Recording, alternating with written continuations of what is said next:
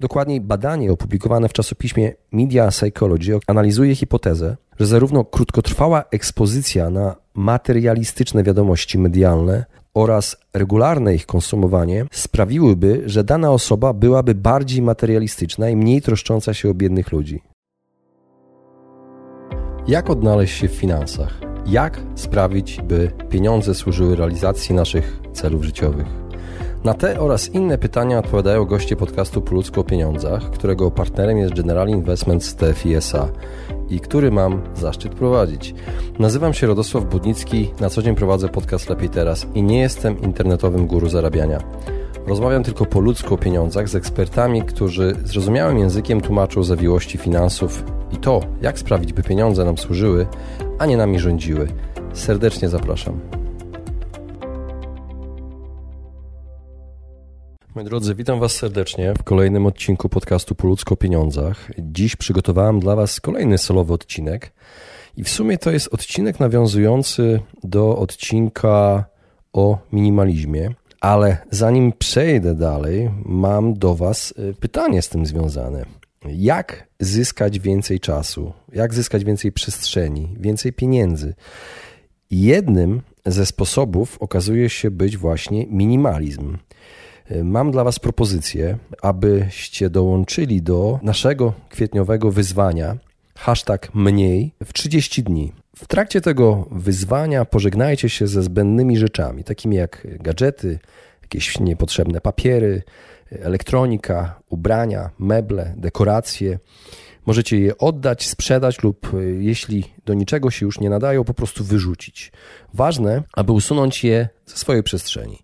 Zasady są proste. Pierwszego dnia żegnasz się z jedną rzeczą, drugiego dnia z dwiema, czwartego z czterema i tak dalej, aż do 30 dnia, gdy pozbywasz się już 30 rzeczy w ciągu jednego dnia. Wiem, brzmi to dość abstrakcyjnie, ale można. Warto przystąpić do wyzwania. Oznacz e, hashtag mniej na swoim profilu na Facebooku lub e, Instagramie. Podziel się zdjęciami ze swoich porządków. Skąd pomysł? Otóż inspiracją byli tak zwani The Minimalists, czyli minimaliści. Ryan Nicodemus i Joshua Fields Milburn, w sumie bohaterowie e, dokumentu The Minimalism, Less is More. Moi drodzy, sam pozbyłem się wielu rzeczy kilka lat temu. Na bieżąco pozbywam się niepotrzebnych rzeczy. Można powiedzieć, że moje życie to jest non-stop gra e, minimalistów, do której Was serdecznie zapraszam. Także hashtag mniej i zdjęcia w mediach społecznościowych, rzeczy, których się pozbywacie. Pięć lat temu sam pozbyłem się telewizji. Może samego telewizora nie, ale mam go tylko do oglądania Netflixa i dokumentów na YouTubie, dokumentów też na Netflixie.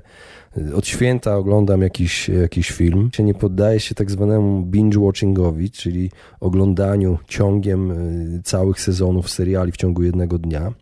Jak było przedtem? Przedtem, wracając z pracy, jedyną myślą, jaką miałem w głowie, była ta o leżeniu na łóżku z pilotem w ręku.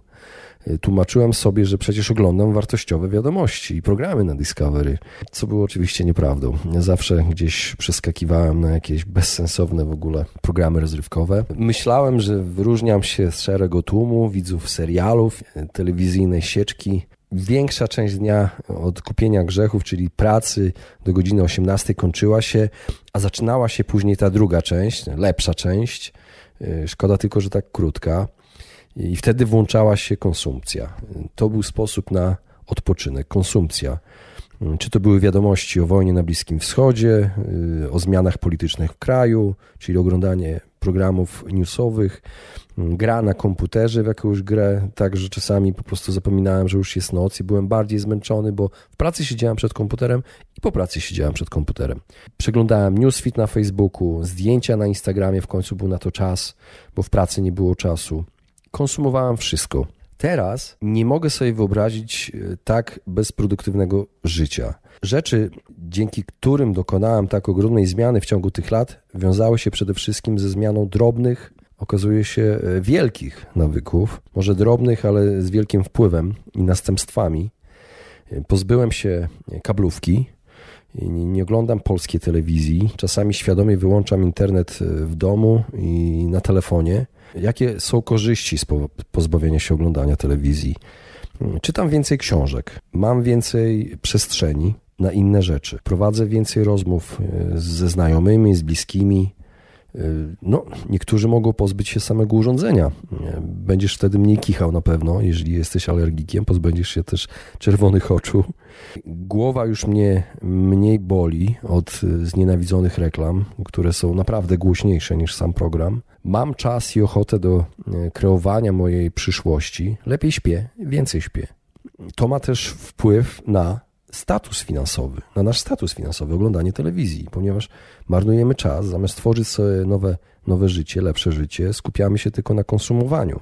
Oglądanie telewizji nie tylko wpływa na kiepski status finansowy i chodzi tu głównie, na, i chodzi tu głównie o marnowanie czasu, nagapienie się w ekran całymi dniami. Chcę Wam dziś zadać pytanie, jak nawyki oglądania mediów wpływają na Wasze myślenie o pieniądzach? Bo okazuje się, że telewizja ma też wpływ na myślenie o pieniądzach. Starałem się poszperać na ten temat. Znalazłem kilka ciekawych artykułów, między innymi na money.usnews.com, gdzie autor, autor pisze o, o tym, że telewizja ogranicza nas, hamując rozwój intelektualny i dusi w nas krytyczne myślenie. W przeciwieństwie do książek, y, podcastów oczywiście, nie pobudza naszej wyobraźni, bo daje na tacy niejako gotowe osądy, propaguje stereotypy, nie rozwija myślenia kreatywnego, no bo tak, bo dostajemy obrazy, już wszystko kreujemy, słuchając podcastów musimy sobie wszystko wyobrazić. Podobnie jest z czytaniem książek, jak ze słuchaniem audiobooków czy podcastów. Świat pokazywany w telewizji jest y, brutalny, pełen agresji, ma za zadanie pobudzać nasze namiętności, emocje, pozarabia na oglądalności po prostu, więc widzimy zakrzywiony obraz świata. Cały czas widzimy jakieś morderstwa, jakieś y, okropne rzeczy, jakieś przekręty, mm, katastrofy ekologiczne, różnego rodzaju zawirowania polityczne, bo to się sprzedaje. Ludziom się wydaje, że jak wyjdą z domu, to po prostu y, natychmiast zostaną, nie wiem, zastrzeleni albo przejechani samochodem. Telewizja uzależnia. I widzowie nie są w stanie często odróżnić świata realnego od tego pokazywanego na ekranie. Filmy, seriale, a przede wszystkim reklamy kreują też nierealistyczną wizję świata, tworząc błędne przekonania na temat sukcesu, czym jest sukces, szczęście, co oznacza żyć dobrze oraz w relacjach y, z innymi ludźmi. Zastanawiałem się, czy telewizja może też oddziaływać tylko źle, czy możemy też, tak jak z nożem, używać noża do pokrojenia kogoś lub, przepraszam za to porównanie, ale musiało być mocne, żeby je zapamiętać, czy do pokrojenia chleba lub jedzenia na obiad. Czy podobne, podobną funkcję ma właśnie telewizja, jak internet, i znalazłem taką analizę w artykule do magazynu Kultura Popularna autorstwa Krystyny Skarżyńskiej pod tytułem Co robi z nami telewizja? I ona mm, sięgnęła do badań z 76 roku autorstwa Gerbnera i Grossa, którzy zauważyli, że przy kontroli zmiennych demograficznych, takich jak wiek, płeć, wykształcenie, okazało się, że permanentni oglądacze telewizji, tzw. Tak heavy viewers, mają więcej uprzedzeń rasowych, przeceniają liczbę osób zatrudnionych w USA jako lekarzy, prawników, sportowców, częściej uważają, że kobiety są mniej zdolne i mają mniej zainteresowań niż mężczyźni, postrzegają innych ludzi jako bardziej egocentrycznych, samolubnych, wyrachowanych, a także dostrzegają więcej agresji i przemocy w świecie niż osoby oglądające telewizję nie dłużej niż godzinę dziennie. A ludzie bronią poczucia swobody wyboru i niechętnie przyznają, że ich opinie, wybory czy zachowania są sterowane i powstają w efekcie czyjejś perswazji, w tym wypadku telewizji. Podobnie jak telewizja wybiórczo pokazuje jakiś fragment rzeczywistości, pozostawiając w cieniu inne informacje o świecie, czyli tak wybiórczo, taki widz selektywnie je odbiera, zwracając uwagę przede wszystkim na to, z czym się zgadza, co akceptuje, co mu pasuje do jego wizji świata, do jego filtrów, które ma w głowie. I Psychologowie zauważyli, że oglądanie telewizji tylko wtedy ma pozytywne konsekwencje dla e, kształtowania poczucia kontroli u widza, gdy treści i formy programu nie proponują całkiem oczywistych, przewidywalnych rozwiązań, gdy widz może sprawdzać swoją skuteczność czy wiedzę, na przykład przy oglądaniu teleturniejów, po prostu wtedy, gdy może się czegoś nowego nauczyć. Badania pokazały, że podczas oglądania telewizji wyłączają się ośrodki w mózgu, które odpowiedzialne są za krytyczne myślenie. W wyniku tego zanika umiejętność podważania przeróżnych prawd, a zwiększa się skłonność do bezkrytycznego akceptowania słów innych ludzi, które często są po prostu manipulacją lub jakimiś kłamstwami i totalnym zakrzywieniem rzeczywistości. Skrzywione postrzeganie świata, wynikające właśnie z takiego bezrefleksyjnego oglądania telewizji, może być dla nas dość niebezpieczne. Może realnie wpływać na nasze życie, nasze warunki życiowe. I mm, w swoim artykule Stacy Rapakon pisze, że badanie pokazuje, że nawet krótkotrwały kontakt z mediami celebrującymi bogactwo może wywołać postawy krytykujące rozdawnictwo. To już jest ciekawy wpływ na nasze postrzeganie pieniędzy i tego, w jaki sposób możemy traktować finanse, korzystać z finansów. Wybór programów telewizyjnych wpływa na to, jak myślisz o bogactwie i ludziach, którzy je mają lub nie. Dokładniej, badanie opublikowane w czasopiśmie Media Psychology analizuje hipotezę, że zarówno krótkotrwała ekspozycja na materialistyczne wiadomości medialne oraz regularne ich konsumowanie sprawiłyby, że dana osoba byłaby bardziej materialistyczna i mniej troszcząca się o biednych ludzi. I tutaj znalazłem wypowiedź takiego autora, autora badania, właśnie Rodolfo Leiva, mm, autor badania, stypendysta na Wydziale Mediów i Komunikacji London School of Economics, twierdzi, że bez względu na klasę, płeć, pochodzenie etniczne i narodowe, wychowanie, moi uczestnicy, którzy konsumowali więcej mediów komercyjnych z głównego nurtu, byli również konsekwentnie bardziej materialistyczni i mniej wspierali świadczenia socjalne oraz mniej sympatyzowali z warunkami osób zubożałych. Aby zbadać efekty krótkoterminowe, uczestnicy badania zostali wystawieni na pięciosekundowe dawki różnych treści medialnych, w tym reklam, nagłówków wiadomości, zdjęć. Jednej grupie pokazano media skoncentrowane na luksusie i celebrytach, a drugiej neutralne finansowe obrazy. Następnie zadawano im pytania, aby zmierzyć ich stosunek do bogactwa, sukcesu, programów socjalnych i ubóstwa ludzi. Uczestnicy zostali również poproszeni o poinformowanie o tym, czy i jak często konsumują określone materialistyczne treści medialne. I zostały wybrane takie programy telewizyjne jak The Apprentice, to jest chyba program e, Trumpa, Keeping Up with the Kardashians i X Factor. Zostały też wybrane magazyny Vogue, Cosmopolitan, GQ i Esquire. I wyniki nie okazały się być bardzo zaskakujące. Oczywiście większe narażenie na te media wymienione przeze mnie, wystawienie na te, na te media odpowiada większym nastawieniom materialistycznym.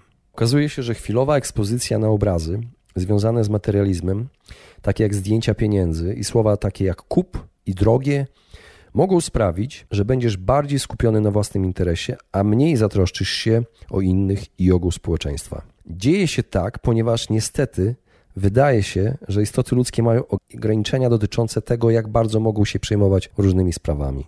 Ludzie są na swego rodzaju wahadle, w którym bardziej skupiasz się na własnym interesie, co zwykle zmniejsza Twoje zainteresowania pomaganiem innym. Zauważa również, że nawet jeśli potrafisz otworzyć swoje serce na tyle, aby w nieskończoność troszczyć się o siebie i innych, Twoje finanse są zazwyczaj bardziej ograniczone. Jeżeli wydajesz więcej na siebie, nie będziesz miał tak dużo do przekazania. Ten materializm może też bardziej zaszkodzić Twoim finansom. Może się okazać, że skupiasz się na wydatkach dzisiaj, a nie oszczędzaniu na przyszłość. A wspomniane programy telewizyjne wprowadzają drogi styl życia do przeciętnego, codziennego życia ludzi i zachęcają do nadmiernych wydatków. W momencie, kiedy dla ciebie staje się normalne wydawanie dużej ilości pieniędzy na różnego rodzaju przedmioty, ubrania, rozrywki, może się okazać, że będziesz miał tendencję do tych zachowań i pozwalania na to, by stało się to częścią Twoich własnych zachowań, i to wpłynie negatywnie na Twoje finanse. No ale nie można, okazuje się, nie można całych, całej winy zwalić na, na media, na telewizję to w rzeczywistości Twoje nastawienie do pieniędzy i dobrobytu może wpływać na to, co zdecydujesz się oglądać regularnie, a nie na odwrót. Te programy przyciągają do siebie osoby, które mają pewne spojrzenie na pieniądze, które w terapii finansowej znane są jako skrypty pieniężne. Jest mało prawdopodobne, że oglądanie serialu jakiegoś tworzy takie przekonanie, ale może je po prostu wzmocnić. Konsumpcja mediów może częściowo wpływać na te skrypty pieniężne, danej osoby. Ale pamiętam na pierwszym roku socjologii na Uniwersytecie Warszawskim, gdzie studiowałem, uczyliśmy się o tak zwanej socjalizacji pierwotnej. I dzięki temu wiem, że znacznie bardziej powszechne i najsilniejszy wpływ mają jednak rodzice oraz ich wzorce zachowań prezentowane dziecku na co dzień praktycznie. Jako małe dzieci po prostu internalizujemy informacje o pieniądzach, zachowania. Na podstawie tego, co nasi opiekunowie mówią w domu o pieniądzach, w jaki sposób się zwracają do siebie nawzajem na temat pieniędzy lub w temacie pieniędzy oraz czego unikają w kwestiach finansowych, jakich sformułowań unikają, jakich tematów unikają. W ten sposób, będąc dziećmi, po prostu gromadzimy informacje o tym, co ci dorośli po prostu robią, a czego nie robią z pieniędzmi. I okazuje się, że to nasze podejście do pieniędzy wpływa na media z kolei, ponieważ media pokazują nam to, co chcemy oglądać, ponieważ my oglądamy tylko to, co jest atrakcyjne dla nas. Więc media przedstawiają nam to, co według nas jest atrakcyjne. To po prostu jest zwykła e, zasada podaży i popytu. Gdybyśmy nie interesowali się życiem e, celebrytów, gdyby nie było w nas chęci podglądactwa, e, te magazyny i tabloidy nie sprzedawałyby się tak dobrze po prostu. Ani programy lub różnego rodzaju serwisy plotkarskie nie zarabiałyby takich dużych pieniędzy. No ale żeby mieć odpowiednie podejście do pieniędzy i nie prowadzić rozrzutnego życia, nie musisz e, rezygnować z oglądania rodzinki e, Kardashian. Po prostu musisz pamiętać, że musisz być świadomy tego, że niektóre programy mogą negatywnie wpłynąć na Twoją koncepcję rzeczywistości i w efekcie na Twoje zachowania. Być świadomym tego. No ale czym możemy zastąpić takie codzienne gapienie się w telewizję? Otóż możemy zastosować jakieś dość wymierne rozwiązanie, które, które może wpłynąć na nasze finanse. Y, oglądanie telewizji jest o wiele przyjemniejsze niż na przykład przeglądanie swoich wydatków w serwisie bankowym. Jest taka jedna aktywność, którą możesz po prostu zastąpić oglądanie telewizji od czasu do czasu. I znalazłem tutaj takie badanie w serwisie marketwatch.com, które dowodzi, że spędzamy średnio około 70 razy więcej czasu w miesiącu na oglądaniu telewizji niż zajmowaniu się swoimi finansami. A ile spędzamy na budżetowaniu i planowaniu finansowym? To akurat badania dotyczą Ameryki, no ale możemy w jakiś sposób odnieść się też e, do siebie. Otóż spędzamy 1 godzinę 12 minut, czyli około 2 minut dziennie. A miesiąc spędzony na oglądaniu telewizji to jest 85 godzin i 12 minut, to prawie 3 godziny dziennie. I planiści finansowi ostrzegają, że kiedy nie sprawdzamy regularnie naszych finansów, naszych wyciągów chociażby, tracimy okazję i podejmujemy większe ryzyko z naszymi pieniędzmi. Ludzie powinni przeglądać częściej swoje wydatki, właściwie co miesiąc, jeśli twierdzą, że nie stać ich na oszczędzanie na emeryturę. Mówi Edward Snyder, doradca finansowy, mówi, że myślę, że ludzie nie lubią przeglądać wydatków, bo zobaczą, jak kiepsko wypadną a powinni śledzić, dokąd idą ich pieniądze. Moi drodzy, jaką mam dla Was propozycję na koniec tego odcinka? Moja propozycja jest taka. Odstaw telewizor na y, jeden dzień, oglądanie telewizji na jeden dzień, potem na tydzień, a potem na miesiąc. I zastanów się, czy w Twoim życiu coś się zmieniło. Ja zrobiłem to kilka lat temu i moje życie zmieniło się nie do poznania. Od pięciu lat praktycznie w ogóle nie oglądam telewizji i ogromnie cieszę się z tego, bo czuję, że stałem się wolnym człowiekiem. Telewizja ma również wiele ciekawych i wartościowych programów do zaoferowania. Po odpowiednim podejściu i poświęceniu czasu można wybrać programy edukacyjne lub stymulujące nasz mózg do pracy, a czasami do pozytywnego relaksu. Więc następnym razem, gdy sięgniesz po pilota, zadaj sobie pytanie: co ten program wniesie do mojego życia? Czy zmieni je na bardziej wartościowe? Bardzo dziękuję za wysłuchanie tego odcinka i zapraszam do wyzwania hashtag mniej, pozbywania się rzeczy przez 30 dni i wrzucania zdjęć wraz z tym hashtagiem do media społecznościowe. Jeszcze raz dziękuję i do usłyszenia za tydzień. Właśnie wysłuchaliście podcastu Po ludzku o pieniądzach. Mam nadzieję, że Wam się podobało. Jeśli tak, poświęćcie swój czas, proszę pozostawić swoją recenzję na Apple Podcast. Jeżeli macie pytania lub propozycje dotyczące kolejnych audycji, piszcie do mnie na fanpage'u Po ludzku o pieniądzach i do usłyszenia następnym razem. Pozdrawiam serdecznie.